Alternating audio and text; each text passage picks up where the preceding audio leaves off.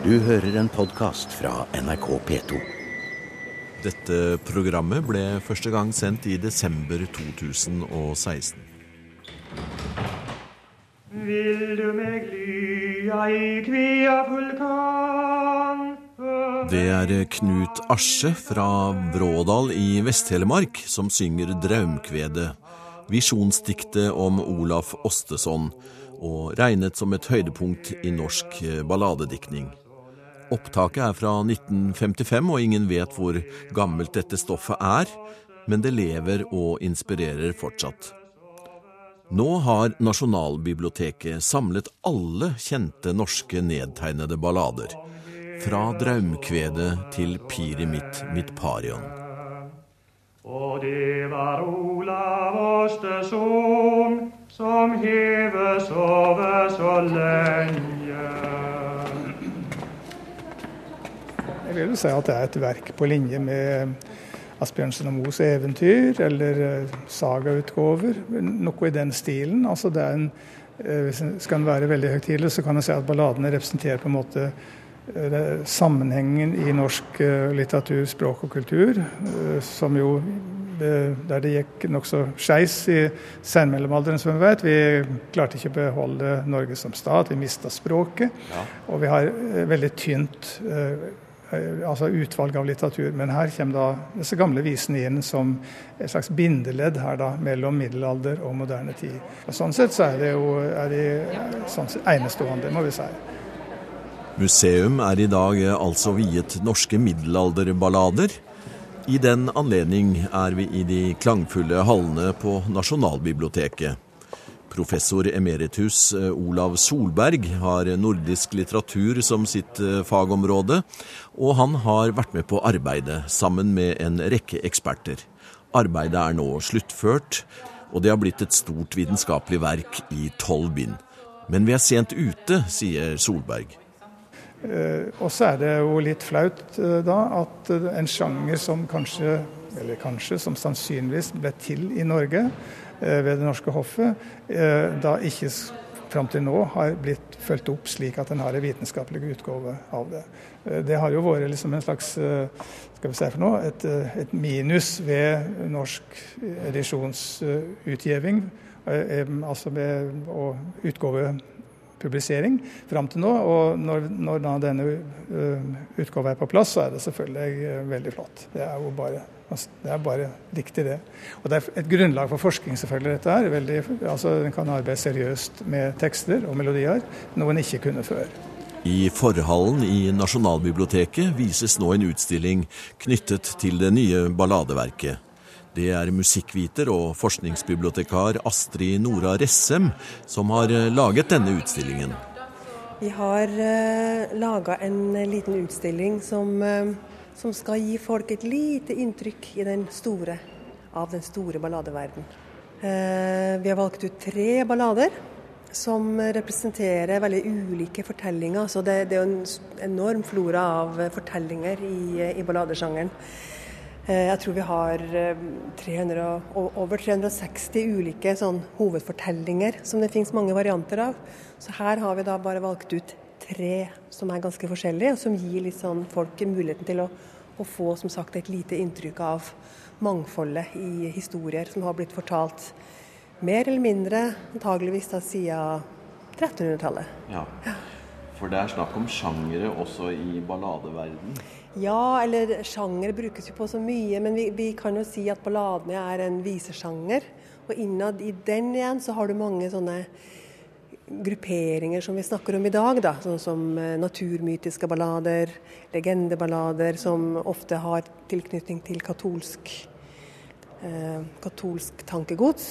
Sånn som 'Drømkveet' og Maria Magdalena og og sånn. Og så har du skjemteballadene, som jo eh, er full av eh, tull og tøys, har sagt, men også satire. Samfunnssatire.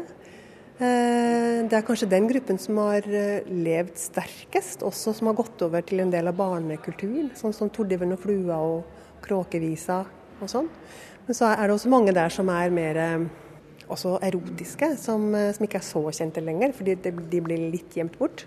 Men også litt mer sånn samfunnssatiriske ballader.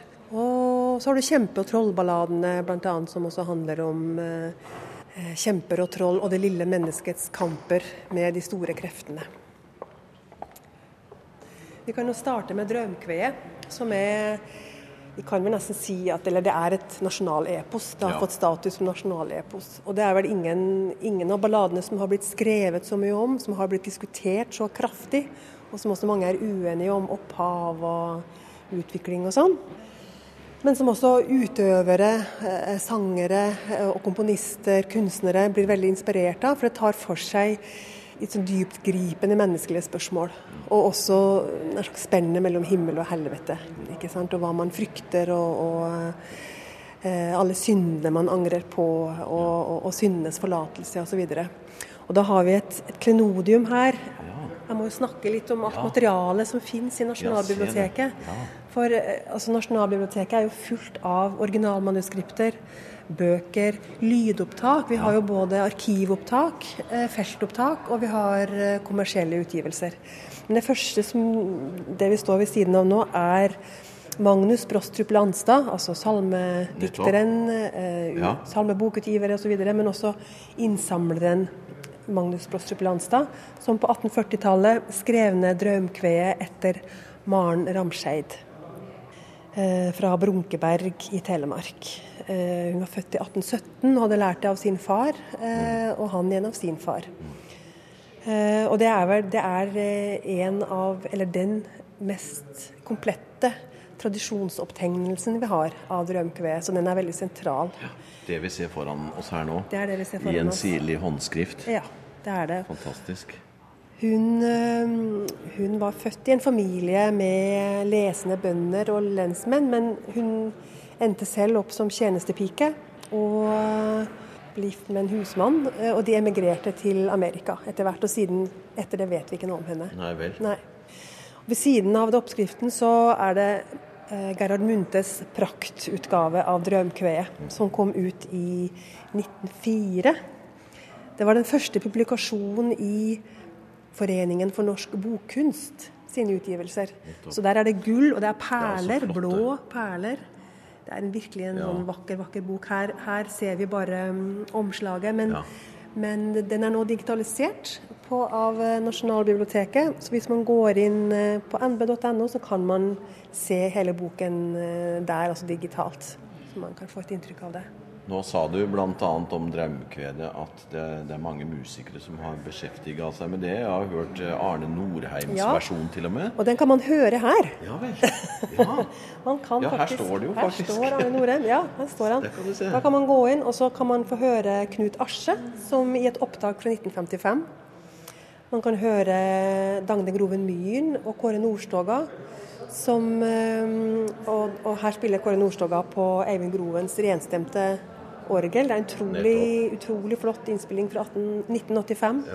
Kirsten Bråten Berg har to gamle stev som er fra Drømkve, som eh, vi har opptak av her. Så har vi også da instrumental, for det er jo så mange komponister som har forelsket seg i melodiene. Så her kan du høre Eva Knardal, som spiller Klaus Egges drømkve-sonate. Og da Drømkve med Arne Norheim fra 2006, er vel det. Men når du sier melodier, har eh, tekst og melodi fulgt hverandre eh, opp igjennom eh, i disse originalversjonene, eller er, er, det, er det mange melodier til, til eh, én tekst? Det kan det være. Altså i, jeg har vært redaktør nå for et, et firebindsverk med melodier. Eh, Det er veldig forskjellig. Altså noen ballader har vi kanskje bare én overlevert eller overlevd melodi i skriftlig form på. Men sånne som er sånn superpopulære som Kråkevisa, har vi omtrent 100 ulike nedtegnelser fra hele Norge. Ja. Så kan det virke som at noen ballader har såpass sterke melodier på en eller annen måte, som gjør at, at det virker som at melodien har fulgt teksten ganske tett. Også hvis du, hvis du finner igjen balladen i ulike områder i et fylke eller i, i en region, så har de nesten samme melodi.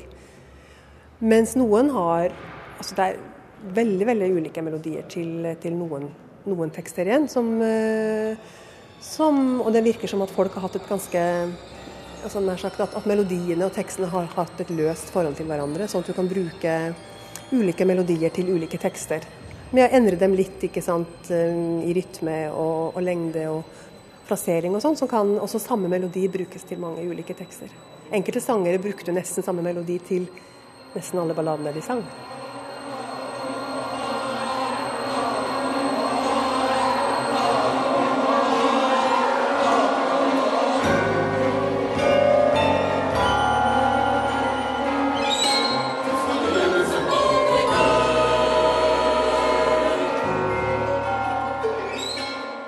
Her eh, hører vi litt av Arne Norheims utgave av Draumkvedet. En eh, kontrast til Knut Asjes tradisjonsbundne versjon, som vi allerede har hørt brokker av. Men det er ikke bare musikken som har inspirert kunstnere. I litteraturen har middelalderballadene vært eh, kilde for flere forfattere. Da starta det jo på mange vis med Henrik Ibsen, som da Landstads folkeviseutgave ble gitt ut i 1853, så var noe av det første Ibsen gjorde der, det var å skrive en lang artikkel om folkevisa. Som han da mente var, kom til å bli grunnleggende for litteraturen og veldig nyttig. Ja. Og han skrev da to folkevisedrama, som det gjerne har blitt kalla etterpå. 'Gilde på Solhaug' og 'Olaf Liljekrans'. Og Det er, hører, vel, hører, vel, ikke til Ibsens beste drama, men så kom han tilbake til Eh, til dette stoffet seinere. Han slepte det egentlig aldri, og skrev da f.eks. Eh, 'Fruen fra havet' og 'Gjengangere' og 'Rosmersholm', der balladestoff og folkediktningsstoff generelt ligger innbakt og lager en sånn eh, undertekst av allusjoner og sofistikerte referanser. Så Ibsen, hos Ibsen var dette, dette stoffet veldig viktig. Eh, og Likeens for Sigrid Undset, som eh, i Kristin Lavransdatter-trilogien særlig da ja. Eh, bygger inn balladen som en sånn undertekst og klangbakgrunn. Så de to, eh, for, for de to, og for mange andre også, eh, så har folkevisene i balladen betydd veldig mye. Og Når det gjelder musikken, Astrid, så er det jo også slik at jeg tenker på Eivind Groven og, ja. og Sæverud og Grieg, selvfølgelig. altså mange her som mm, Grieg har jo brukt flere ballader. Ja. 'Solfager' og 'Ormekongen' er jo en av de kjente. Og som vi nevnte her, som vi også kan høre på her, Arne Norheim og og Klaus Egge sine verk som er utgangspunkt i drømkvemelodier. Sånn at det er ikke noe tvil om at også samtidskunstnere, og det er jo mange billedkunstnere, som lar seg inspirere av eh, balladene. Blant annet her kan du se et lite utdrag av eh, Moseids drømkve, som ja. er et 70 meter langt broderi. Akkurat, det er det som går på skjermen. det går på skjermen, Men det er ikke hele, da, det er bare noen små Skjønner. utklipp. Men i hvert fall så kan det gi en liten idé om hvordan det fantastiske broderiet er. Og myhanken kom seg rians til gårds under lita. Og floga sto ute og slo sitt hår. Heia hå, hugen leikar så vide. Eg helsar deg frå Tor Brynjulf stor under lida at han er den sterkast på denne jord. Heia hå, hugen leikar så vide. Gunvor Uleberg fra Hornes i Aust-Agder sang her et par vers av 'Tordivelen og flua' i en variant. Opptaket er fra 1956. Dette er kategorisert eh, som en skjemteballade og er kanskje en parodi på riddervisene. Tordivelen og flua finnes i et stort eh, antall varianter. Den mest kjente i vår tid eh, er det vel Alf Prøysen som står for. Og tordivelen nytte på seg hos og vampirion. Så flaugen lik etter fluggulan, piri mitt mitt pariandan, diri ditt ditt ariandan, pirion. Og tordivelen ville til flugga fri, pirion. Og vil du være kjerringa mi, piri mitt, mitt Det første sporet det er jo disse Eufemia-visene, eh, som altså er tre ikke viser, men verseromaner som eh, ble laga her i Oslo av, eh, etter påbå fra dronning Eufemia, som var gift med Håkon 5. Nettopp. Og det var ca. 1300. Akkurat. Og der fins det balladeformler, eller ut, faste uttrykk, som en oks, samme type, samme slag, som en finner i ballader som er oppskrevet på 1800-tallet. Så det er et håndfast og konkret bevis. Og så eh, er det da det som er gjeldende teori, eh, det er da at balladen er en del av den franskinspirerte ridderdiktinga som kom til Bergen da under Håkon Håkonsson. Da var hoffet i Bergen. Mm. Og han var eh, organiserte en stor kulturimport av eh, engelskspråklig, men fransk opphavlig ridderdikting, som mange sagaer. Som da ble eh, norske riddersagaer. Og da kom altså Tristan og Isolde f.eks. På norsk. Ja. Og så er da balladen en sånn offspinn av dette, da. Eh, ja eh, inspirert Ins- av det som kom utenifra.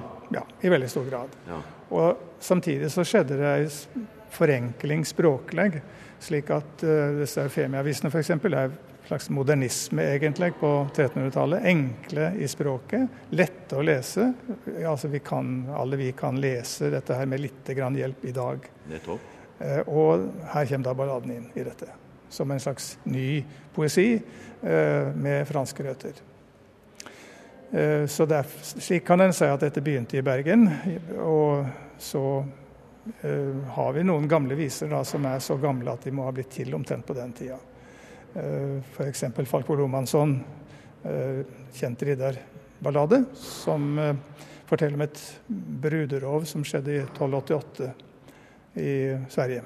Og så kom alle røverne, alle bruderøverne pluss en rekke andre som hadde tilknytning til dette her stoffet. De kom til Oslo da, fordi det ble Ja. landlyst landlyste i sin egen land. Og dette her ble, da kom det til å bli et, et eh, internordisk stormannsmiljø i, eh, rundt, eh, rundt Slottet i Oslo. Så det, Oslo har også sin, sin del av dette. her. Eufemia, som var veldig litterært interessert, hun passa godt inn i sammenhengen med det må man jo si da, disse her norske kongene som hadde virkelig eh, ambisjoner på vegne av litteraturen og kulturen, og ville løfte Norge fram. Ja. Nå har vi jo de danske og svenske utgavene her. og Var det, var det britiske eller skotske? Ja, ja. Eh, eh, er, er, er det mye likt stoff? Ja, det er jo det. Særlig eh, vel, Astrid, mellom eh, det norske eller det skandinaviske og det engelsk-skotske er det jo mange paralleller. Så der kan en jo i noen ganger følge en konkret i handlingsgangen eh, en nordisk ballade og en eh, engelsk-britisk. Ja. Eh, Det er vel altså bl.a. disse to søstrene. Horpaja. Den er veldig lik. Og det er andre som, har, som er også like parallelle.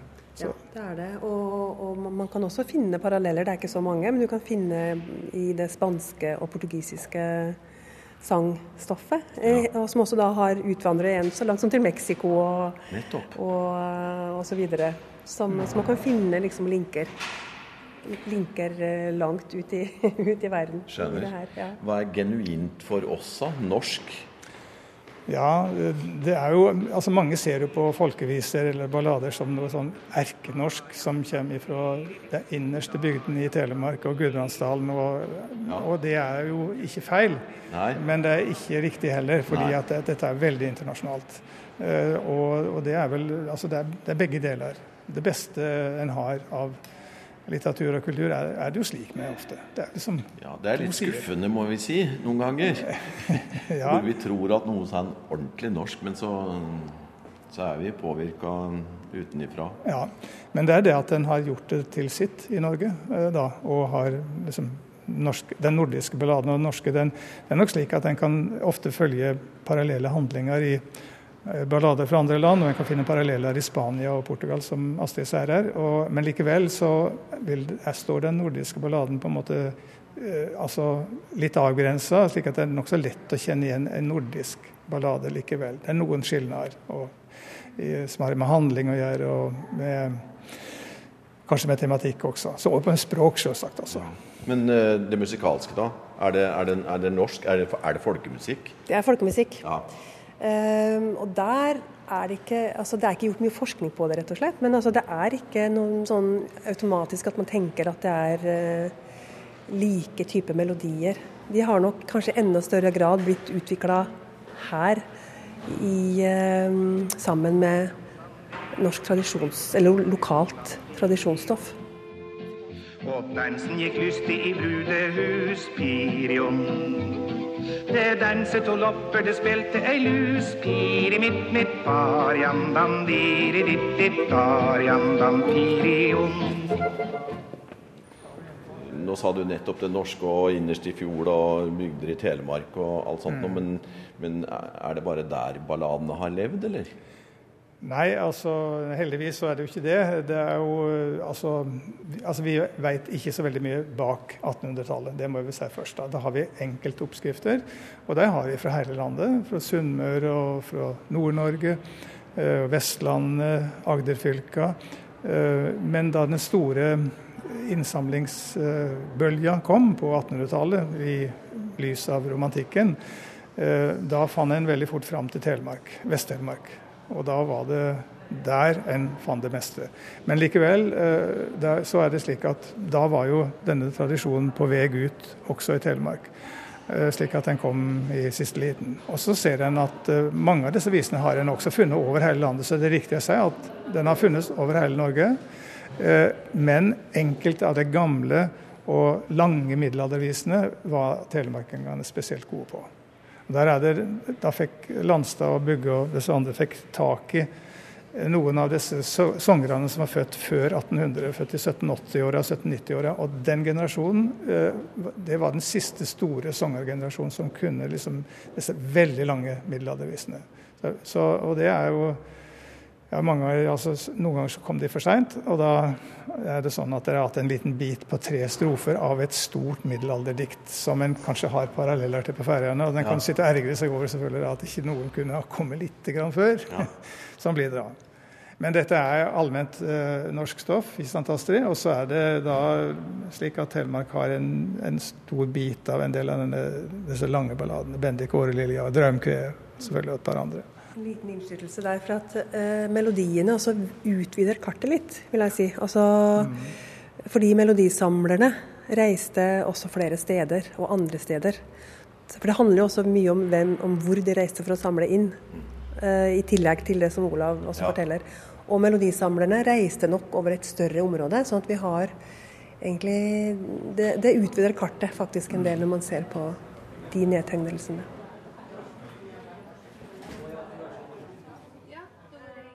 Lite Kjersti hun var seg så fagert et viv. Det rinner og det bles. Langt nord i fjellom, djupt under hellom, der leika det. Foreldrene hans eh, sang ballader for ham, og han har sunget dem for sine barn. Lite Kjersti er favoritten. Nasjonalbibliotekets direktør Aslak Sira Myhre greier ikke å skjule sin store begeistring for det arbeidet som nå er sluttført. Dette er svært i norgeshistorien, og det tenker jeg er viktig. Vi er på 2010-tallet som er på nå, så er det faktisk en, vil jeg si, en slags bølge i Norge. Og det er at vi er i ferd med å få et mye, mye større tilfang til kildene fra vår tidlige historie enn vi har hatt før. Flatøyboka, som alle tidligere er oversatt til moderne norsk, kommer ut øh, og blir tilgjengelige. Islandssagaene blir oversatt på nytt til lesenorsk. Heimskringla blir oversatt på norsk. Den eldre og den yngre Edda blir oversatt og gitt ut på nytt, og gis ut bredere enn noensinne. Og Samtidig så ser vi altså nå at vi samler inn alle middelalderballadene og gir de ut i samleverk og gjøre det tilgjengelige for alle. Og Dette er ikke stort bare for Nasjonalbiblioteket, dette er stort for Norge. fordi at vi gir da folk tilgang til vår eldste historie og til vår kulturhistorie, og som er ubrutt i 700 år her. Og Ved siden av dette kommer Magnus Lagabøtes landslov, som òg bare var oversatt én gang til, til, til folkenorsk for, for nesten 100 år siden, og, eller over 100 år siden, og basert bare på én tekstutgave. Så parallelt med at vi gjør dette, så sitter vi òg på Nasjonalbiblioteket og eh, transkriberer og skriver ut og oversetter alle de ulike utgavene av Magnus Lagabøtes landslov. Som igjen gir oss større tilgang til dette. Og på samme tid så har vi visjon om å oversette de eldste bøkene trygt på norsk. Eller for, unnskyld, ikke på norsk, men for et norsk publikum. Men de er trygt på latin, og aldri oversatt til norsk. Eh, Så vi gjør tilgjengelig, vi på Nasjonalbiblioteket og andre gjør nå tilgjengelig kildemateriale på en helt annen måte enn før. Og som forhåpentligvis ikke bare vil være vekke interesse for historikere, men òg gjøre at vi som folk får større kunnskap om historien vår. Hvorfor eh, tror du det skjer nå?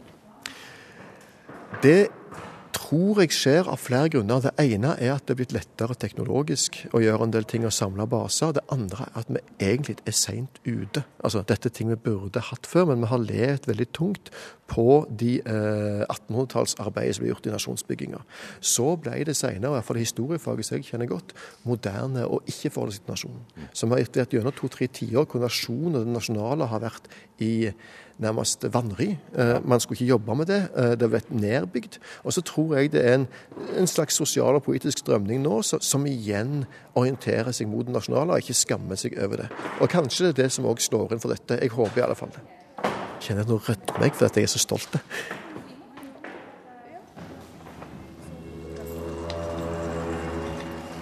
Du har hørt en podkast fra NRK P2.